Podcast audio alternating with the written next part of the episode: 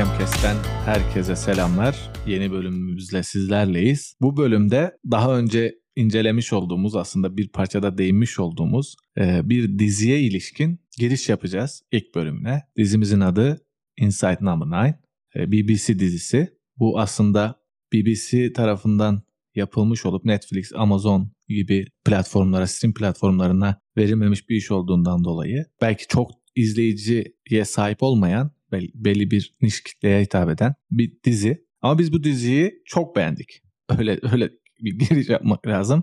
Beğenme sebebimiz hakikaten bence bölümlerin her birinde ayrı ayrı şahane oyunculuklar. Bir e, aktörlük, aktrislik şey dersisi verecek nitelikte gayet e, büyük şeyler görmemiz. Hem incelikler hem kabiliyet görmemiz hem de hikayelerin çok çarpıcı, senaryonun, kurgunun çok çarpıcı olması. Evet abi. Ben bu şekilde belki ifade ediyorum ama birinci bölümle Inside Number 9'ın balık istife diyeceğimiz birinci bölümü ne bir giriş yapalım istiyorum. Senin hem bu diziye ilişkin bir genel görüşünü de merak ediyorum açıkçası.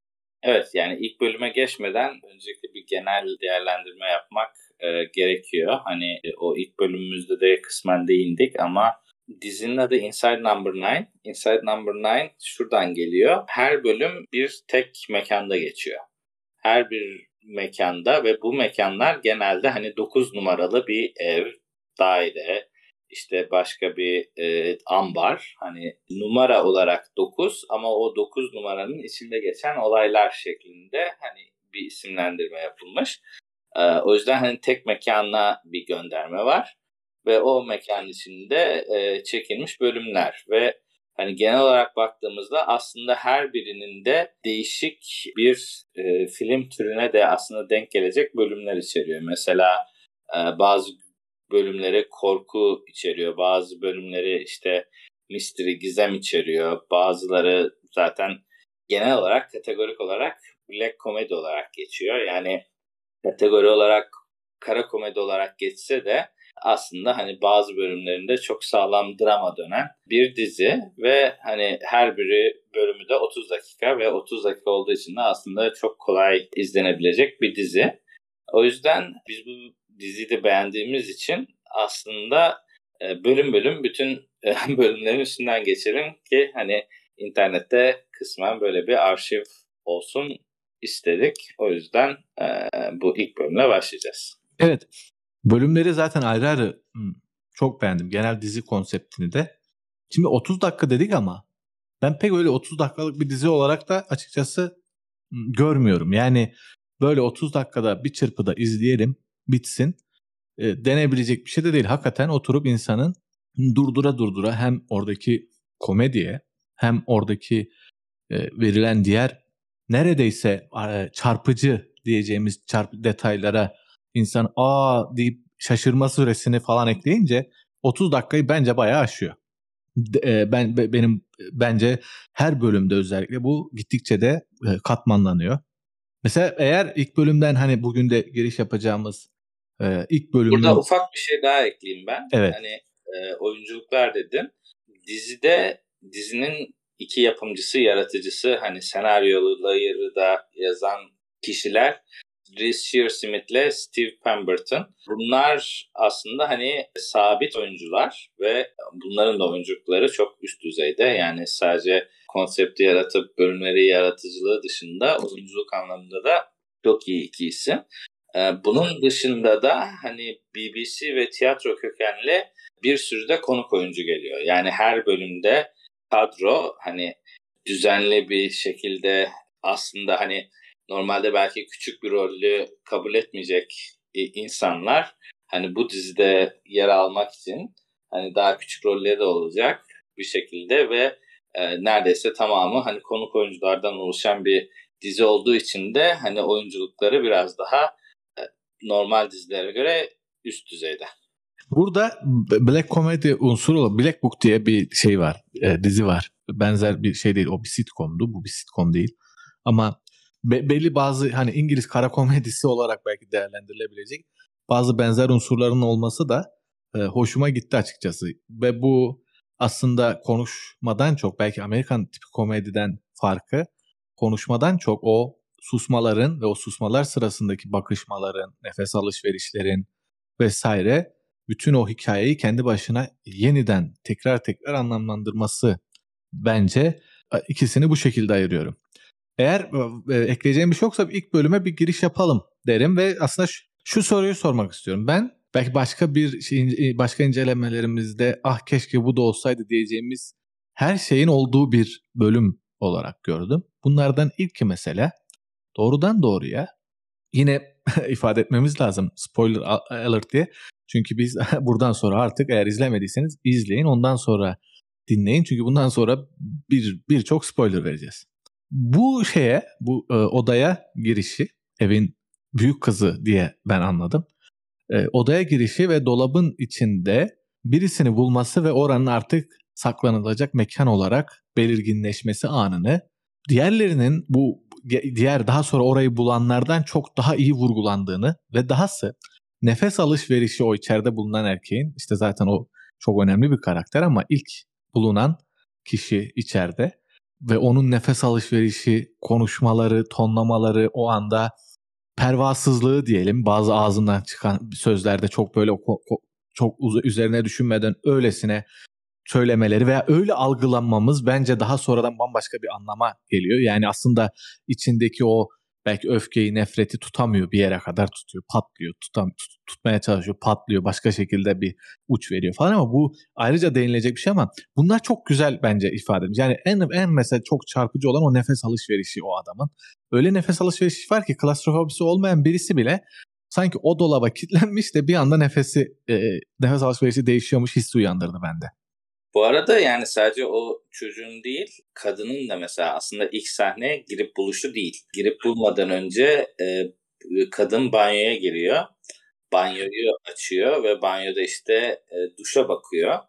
E, ve hani o duşa baktığı zamanki surat ifadesinden aslında kadının da e, olaylara şahit olduğu ve hani rahatsız olduğu ve hala hatırladığını daha ilk sahneden görüyoruz. Ve ikinci sahnede de gidip meşhur sabunu kokluyor. O sabunun kokusu da yine aynı şekilde e, o eski olaya hitap şeklinde. Yani daha girişten aslında bu e, huzursuzluğu ve bu huzursuz bir şekilde yani bir araya gelişi aslında çok net veriyor.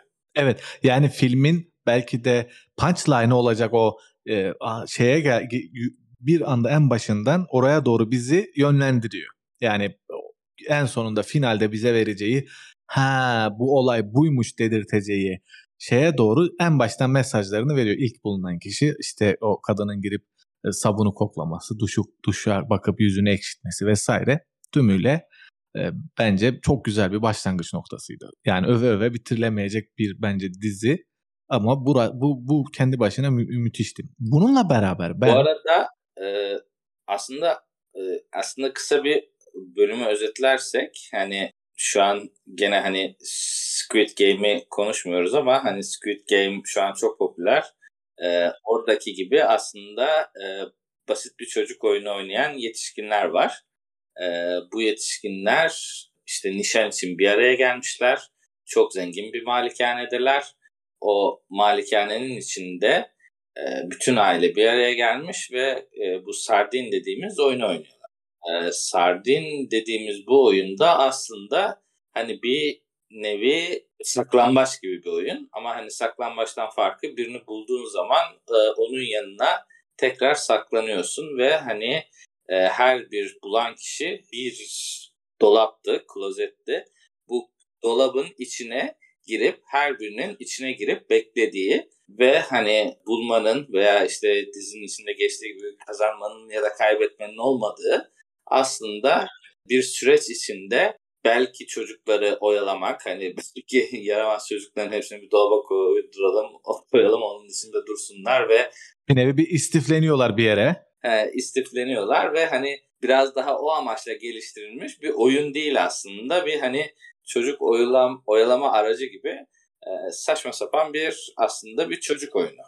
Ama hani bu saçma sapan çocuk oyununu bu yetişkin arkadaşlar e, nişan törenlerinde yine oynamaya devam ediyorlar. Evet bu bunu benim anladığım oradaki bir diyalogtan biz bunu niye oynuyoruz diyor e, evin oğlu e, baba da bu ev benim evim tarzı bir e, çıkışta bulunuyor. Ve ama şu da var.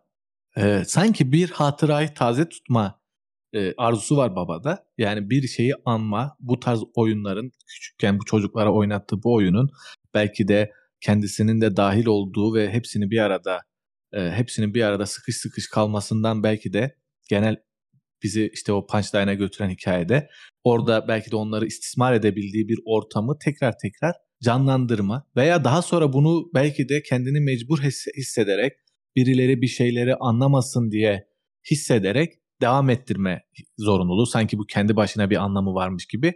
Böyle bir şey de anladım ben. Bilmiyorum yanılıyor muyum? Evet. Yani Doğru. İkinci söylediğin çok daha mantıklı ve ona ek olarak e, kendi otoritesini de tekrar tekrar hatırlatma durumu var. Yani e, patron benim, hani benim dediğimi yaparsınız ve dediğin gibi aslında hani o oyunun saçmalığını belki o da biliyor ama hani oyunun kendisine bir e, atıfta bulunup o eskide yaşanmış olayları kısmen unutturma, baskılama amacı da var. Evet asıl olan oyundu. Bu oyun başka bir amaca hizmet etmiyordu. İzlenimi yaratmaya çalışıyor.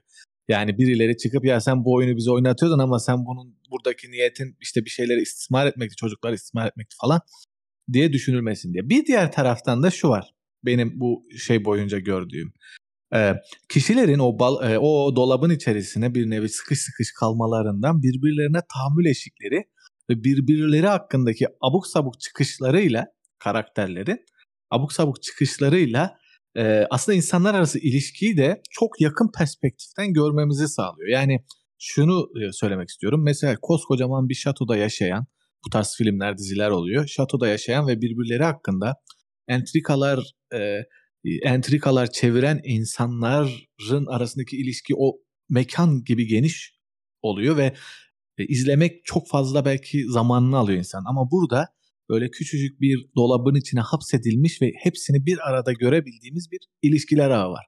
Bu da genel tabloyu anlamakta bence güzel bir şey oluşturmuş. Yani hakikaten insanların birbirlerine karşı gerginlikleri, kıskançlıkları, aslında kendi kimliklerini gizleme çabası ama onun ifşa oluşu falan gibi bir sürü e, şeyi enstantaneyi bir arada bulmamıza yarıyor. Bu anlamda da gerçekten çok hoşuma gitti.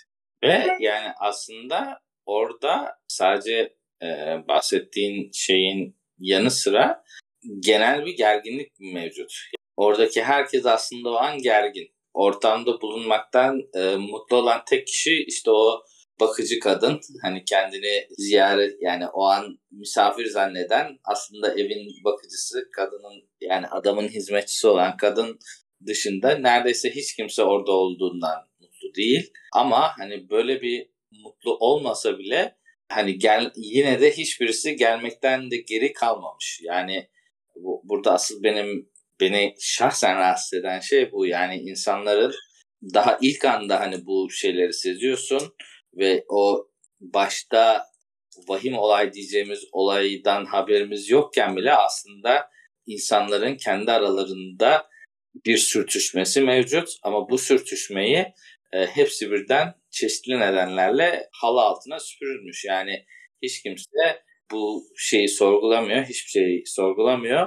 Zaten orada bulunmaktan mutsuzlar ama orada bulunmaktan mutsuz oldukları halde zaten artık hem kibarlık olsun hem e, belki menfaat olsun ba- mesela baba figürü oradaki halen daha mesela gücünü koruyor. İş adamı gelip işte birileriyle kontak kurması için yine o babadan ricacı oluyor. Yani aslında baba karakteri yaşlı emekli bir baba değil. Muhtemelen hala paraya gitmeden otoritesini halen daha sürdüren bir insan.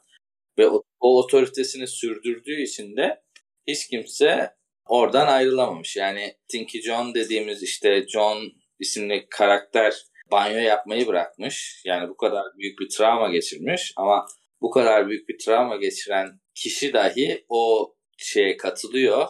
Nişan törenine işte toplantı neyse ona katılıyor.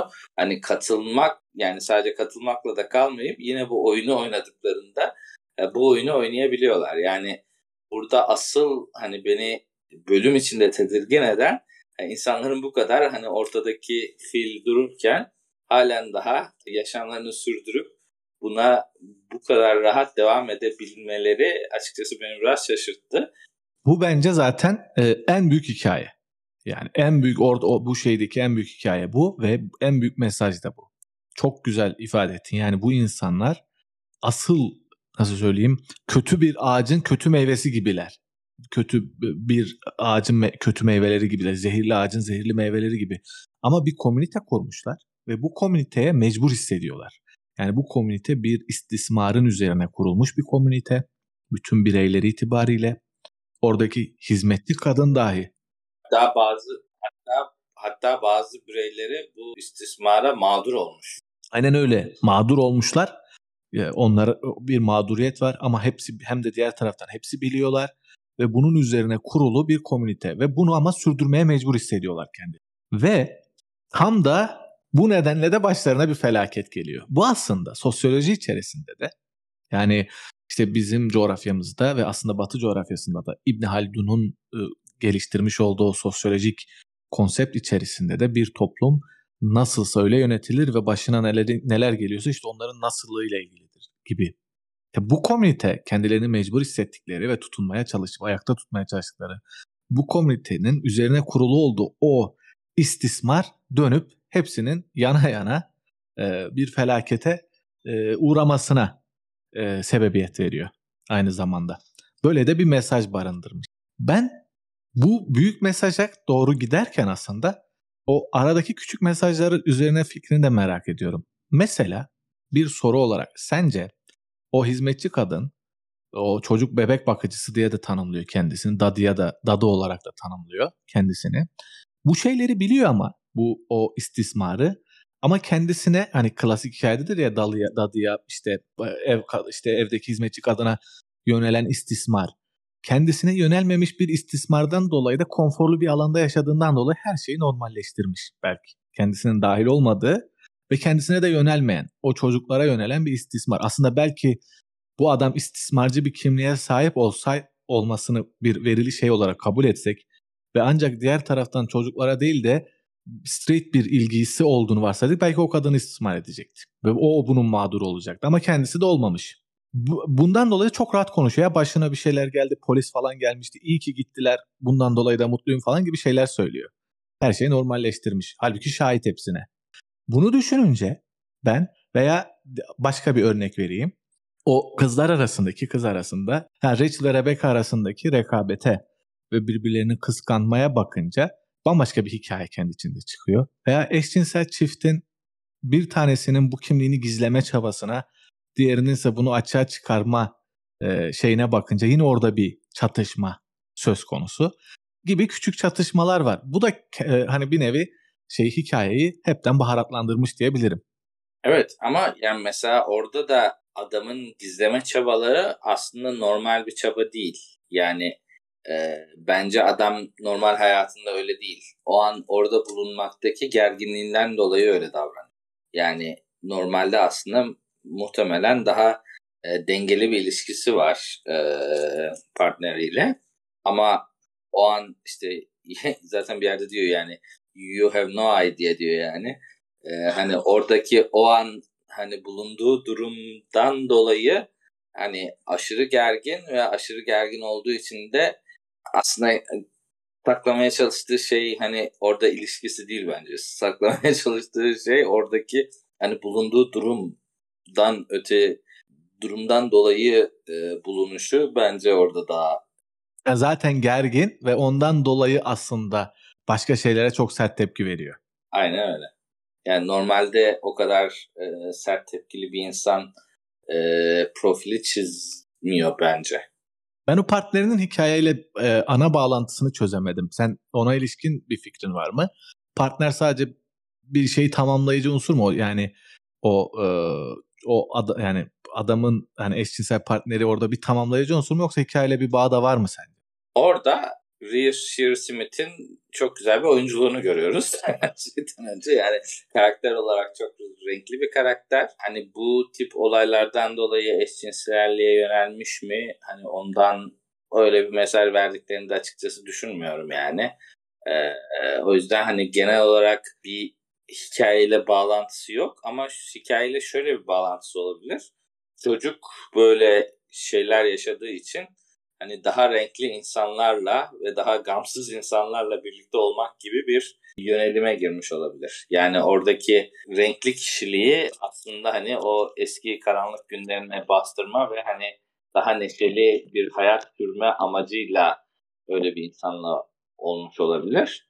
Ee, ve hani o evin içinde olmadığı zaman da aslında belki bundan da mutludur ama o evde o anda artık biraz eskiye dönüp biraz hesap sorma e, modu döndüğü için e, biraz hikayeden kopuk kalıyor.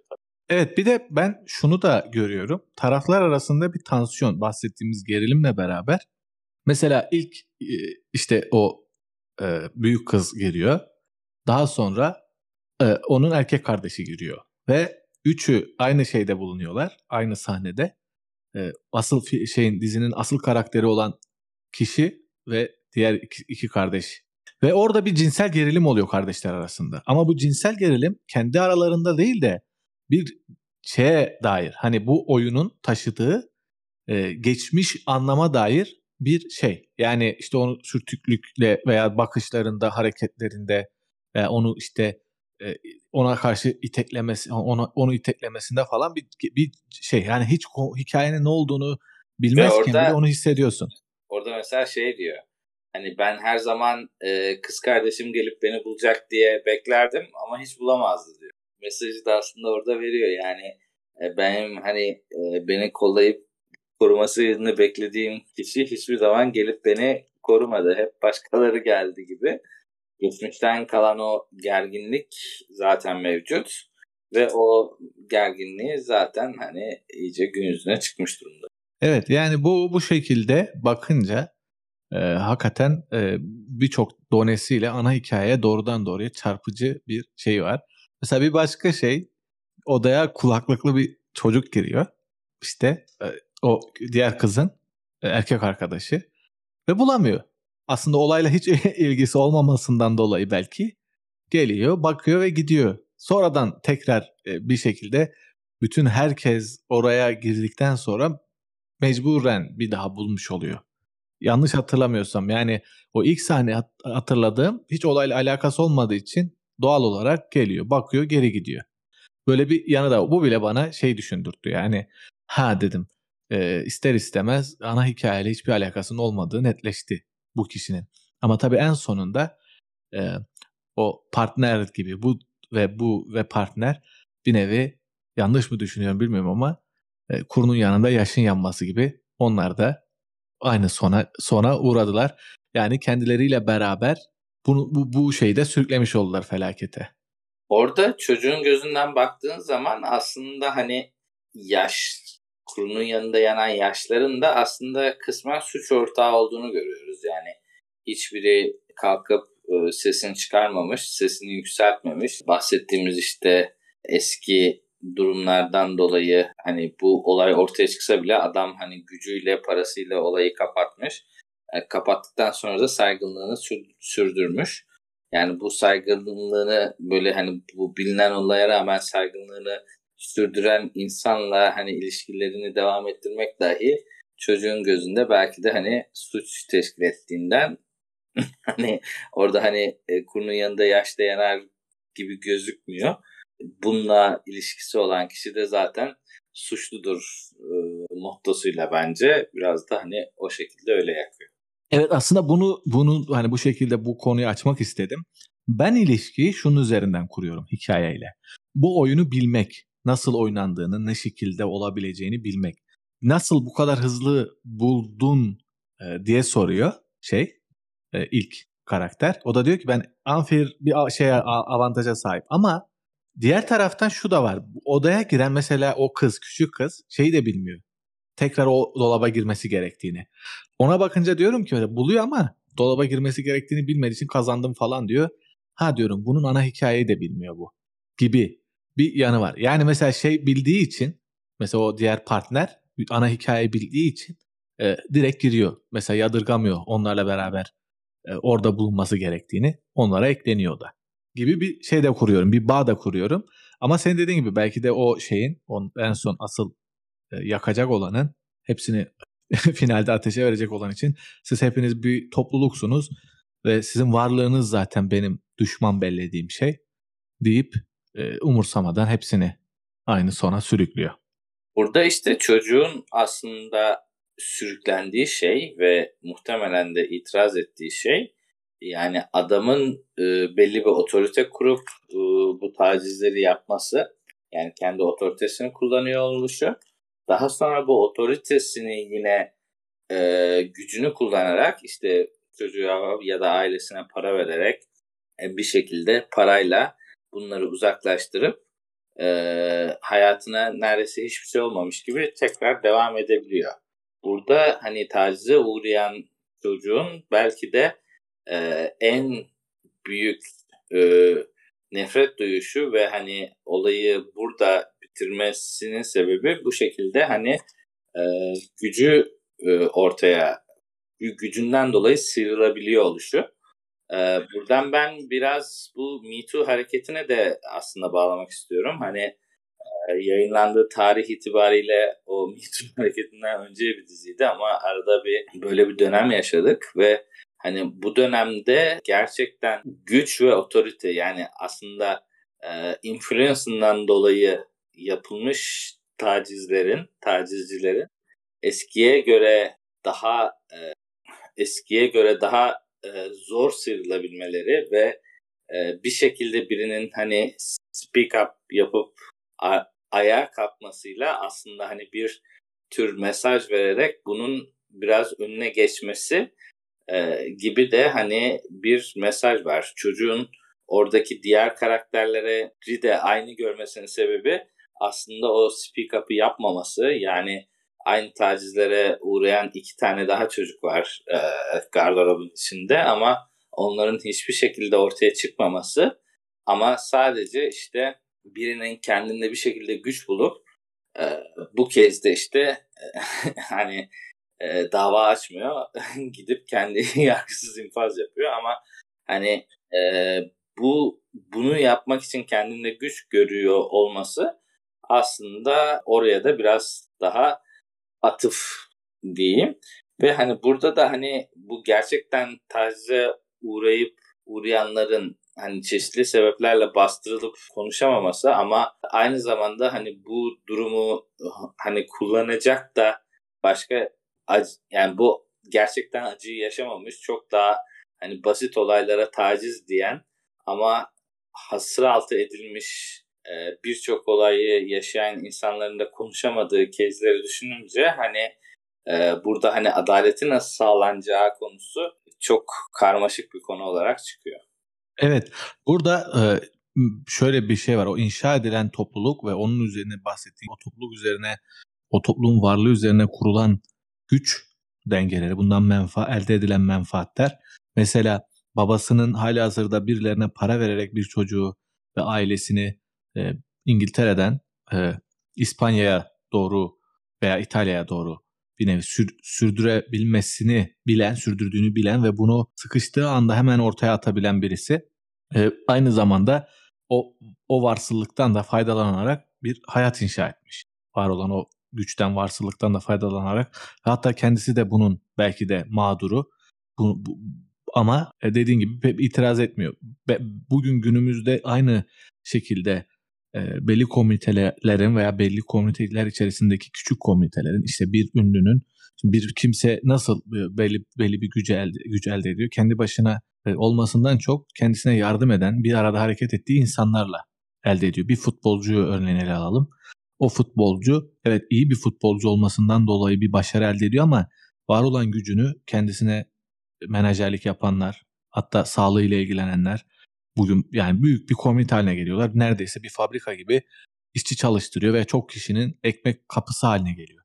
Şimdi bu topluluğun bütünü bir şekilde oradan menfaat elde ettiği için hatta buna temas eden takımlarından şuna kadar herkes şey yapınca bunun yaptığı belki usulsüzlüğü ortaya çıkarma konusunda isteksiz oluyorlar. Kendilerinin de mağdur olduğu usulsüzlükleri, hukuksuzlukları, tacizi, e, ihlalleri ortaya çıkarma konusunda birazcık isteksiz oluyorlar. E, ve ben şu mesajı da aldım açıkçası filmden.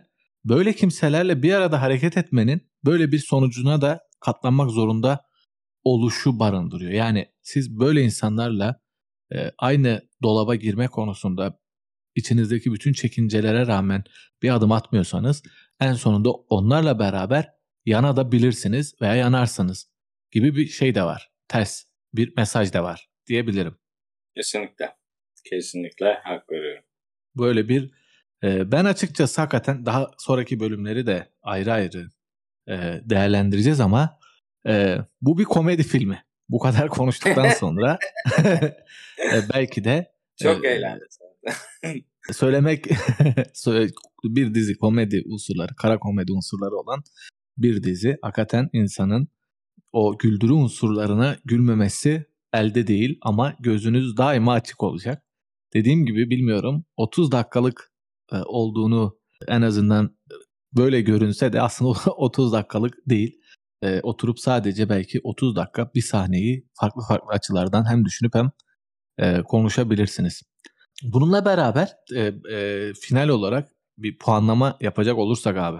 10 üzerinden 10 üzerinden bir puan verelim. Her sezonu da işte normalde sezonlar 6 bölümden oluşuyor. Her sezon bittiğinde de e, o sezonun bölümlerini kendi içinde sıralayalım. En iyiden en kötüye şeklinde. Şu an o kalsın ama hadi puanlamayı yapalım. Evet bir şekilde bir bir şekilde bir gelenek oturtmaya çalışacak olursak bunu puanlayacak olursan 10 üzerinden kaç puan verirsin? Ee, 8.1 veriyorum. Çok scientific bir şekilde. Aslında. Çünkü ben hani biraz e, çalıştım. Bütün gelmiş geçmiş hepsine puan vermeye çalıştım. Ee, henüz bitirmedim. Bir kısmı ikinci izleyişe giriyorum. O yüzden ama ilk sezon kafamda biraz daha net. O yüzden hani 8.1 veriyorum. Bu puanı verişimin nedeni bazı başka bölümlere 9 ve 10 vermek zorunda oluşum. Çünkü hani bundan çok daha güzel bölümler var. Yani akıcı, daha sürprize açık ve daha çok şaşırtan bölümler var. Yani o yüzden hani bu ilk bölüm olduğu için notu biraz kısık tutuyorum ve hani 8.1 veriyorum. Neden? Yani normalde aslında çok daha hani overall Inside Number 9'a çok daha yüksek bir not veriyorum. Hani bu bölüm açısından sadece konuşuyorum. Yani bu bölümde sevmediğim nokta yani bahsettiğin gibi hani çok iç karartıcı bir bölüm. Hani bahsettiğin gibi hani e, bu kadar konuştuk ettik, mesajları aldık. Hani sonunda günün sonunda bu bir komedi dizisi. Hani biraz daha lay lay lom anlatabilirlerdi. E, aslında e, yine hani lay lay lom anlattıkları espriler var. Hani e, British humor diyebileceğimiz hani daha e, direkt espriler ve konuşmalar üstünden yürüyen güzel espriler var. Bahsettiğimiz o o gerilim ilk andan itibaren var. O ilk andan itibaren oluşu aslında sonunu çok çarpıcı yapıyor ama hani sonunu çok çarpıcı yaparken bölüm içinde de hani aslında rahatsız olarak biraz izliyoruz. Yani o yüzden birazcık puan kırarak 8.1 gibi bir puan verdim. Zaten hani diğer bölümleri de konuştukça hani bunu da bir sıralamaya koyup hani neden o bölümden daha kötü, neden daha iyi onu da hani kısaca bir ileride konuşuruz. Evet ben açıkçası bu 10 üzerinden ben de e, 8.5 diyeyim. Bir kere dizi zaten bence çok daha farklı onu da değerlendireceğiz. Daha sonraki bölümleri de böyle hemen şey yapmak istemiyorum. E, 10 üzerinden 10'luk bir dizi. E, ben zaten İngiliz kara komedisini ve e, yani British humor denilen o İngiliz espri anlayışını her şeyle çok seven birisiyim. Yani genel olarak İngiliz dizilerini e, ve hatta e, basit TikTok esprilerini bile e, çok fazla seven, gülen birisiyim. Bu, bu yönü var işin. Bir de benim değerlendirecek olursam Catherine Parkinson e, ilk bölümdeki e, ana oyuncular yani kadın oyuncu. Benim hayranlıkla izlediğim müthiş bir aktris. Ee, bu dizide de sadece dudak hareketleri bile bütün vücudunun geri kalanı yani ayaklarını e, çekişi veya eteğini toplayışı veya e, yana kaykılışı falan hepsi kendi içerisinde çok çok iyi, doneler olsa da sadece dudak hareketleri bile bütün o hem gerilimi yükseltmeye hem de azaltmaya yarıyor. Gülüş anları veya işte meraklı bir şekilde benim hakkımda ne dedi gibi soruşu falan hepsi kendi içinde müthiş bir oyunculuk. Tabii ki diğer oyuncular da çok büyük oyuncular. E, çok büyük oyunculuk da göstermişler. E, hakikaten e, belli şeyleri e, doğruğa çıkaracak e, bir oyunculuk var. Ayrıca sinematografik açıdan da e, tek mekanda çekilen yani mekan tek mekanda ama kamerayı çok güzel oturtuyorlar. Yani yakın çekimde e, hep en doğru zamanlarda yakın çekim. Hakikaten bir kimsenin e, gerginliğini anlamamız gereken bir nokta olunca hemen yakın çekim yakın çekime geçiyor hiç sektirmeden. E, genel olarak bütün e, karakterleri bir arada görmemiz ve aralarındaki bütün enerjiyi hissetmemiz gereken bir konu olduğunda da hemen uzak çekimde karşıdan hepsini eşit bir seviyede görmemizi sağlayacak bir çekime geçiyor. Böyle olunca bence bu anlamda da çok başarılı çekim tekniği açısından da. E, e, ortamın bizi gerecek o sesleri yani yine sinematografi içerisindeki gıcırtılarından, e, adımların e, şeyi tahtayı gıcırdatmasından veya tık, takır takır etmesinden bu da çok güzel kullanılmış. Bu açıdan da çok beğendim. Hikaye zaten az, işte bölüm boyunca anlattık kurgusundan şeyine kadar. Hepsi çok iyi. Eksik olarak gördüğüm bilmiyorum eksik olarak değerlendirilebilir mi? Bir kere zaten e, senin çok güzel ifade ettiğin gibi diğer bölümler eğer biz buna 8.5 verirsek yani 10 verirsek diğer baş daha iyi olduğunu düşündüğümüz bölümlere puan veremeyeceğiz. Farkını anlatamayacağız. Bir kere ondan dolayı 8.5 verdik. Ama diğer taraftan şunu da kırdım. Bu oyunun evet bir finali yok ama şeyde oyun da sadece ilk defa şimdi oynanıyormuş gibi bu sefer yanmaları yani bir başka örneğini görseydik mesela acaba yanmasalardı ne olacağına dair bir iz- şeyimiz olsaydı bir bilgimiz olsaydı mesela genel hikaye adına yandıkları için neyin değiştiğini daha iyi anlayacaktık. Yani ama yani orada sana azıcık itiraz edeyim. Hani oyunun neden olduğu çok belli. Yani oyun var. Şöyle oyun e, bir sonu yok. Oradaki herkesi adam klozete dolduruyor. Ondan sonra bulunamamış işte çocuğu alıyor banyoya götürüyor. Yani oradaki oradaki oyun aslında onların gözünü kapatıp etrafı görmemesi, görmeden hepsinin bir yerde durması. Yani oradaki oyunun hani e, şey olmasaydı hani oyunun finali amacı ne? Amacı orada e, hani karıştırılan şeylerin hani çocuk yani bir genel anlamda hani muhtemelen gerçek hayatta bu oyun oynanıyorsa e, çocuklar sussun, hepsi girsin dolaba, e, biz de kafamızı dinleyelim amacıyla oynanan bir oyun. Ama hani bu kez de adam hani spesifik olarak siz orada durun, hiçbir şeyi görmeyin, hiçbir şeye karışmayın. Ben istediğimi yapayım. E, oyunun fonksiyonu bu. Başka hiçbir fonksiyonu yok yani. E, bu şekilde bir şey bunu bu evet bu, bu fonksiyonu bu bütün işte geçmişe doğru olarak buradan ortaya çıkabilecek bütün istismarları da anlatıyor ama bu diyorum bu şekilde hangi finale gidiyor bu? Yani mesela bir kere bile en azından o final sahnesinden sonraki bir flashback olarak mesela nereden ne zaman çıkıyorlar Ama zaten final, final sahnesinde bu arada ateşi de atmıyor. Bu arada yandıklarını da görmüyoruz. Evet. Biz öyle o, zannediyoruz. He, biz öyle zannediyoruz. Tabii. Tabii tabii öyle öyle zannediyoruz. Yani zaten dizinin diğer bölümlerinde de bu yok. Yani diğer dizinin diğer bölümlerinde de aslında biz finali zannediyoruz. Bize bir zannetme şey bırak. Bu da çok güzel bir şey. Yani e, o, o, o, o orada bitiriyor ama ben açıkçası şunu isterdim. Yani bunlar mesela ha artık tamam zaman doldu şimdi artık çıkma vakti denilecekleri bir eşik olsaydı da tam o eşiğe geldiklerinde çıkamasalardı bence daha iyi bir şey olurdu. Yani öyle beklerlerken yanıyorlar gibi ya da öyle beklerlerken aa şu nerede deyip veya yanıldık aslında orada e, yanlarında olan kişinin orada başka bir sıymış gibi yanılmalarını keşfettikleri anda final veriyor. Ben onun yerine çıkmaya çalıştıklarında final verseydi benim alıştığım tip filmlere daha uygun olurdu yani diyeyim. Bunu buradan da kırmış olayım puanı. İyi, güzel. Bu şekilde dinlediğiniz için teşekkür ederiz. Ee, sonraki bölümde görüşmek üzere. Görüşmek üzere.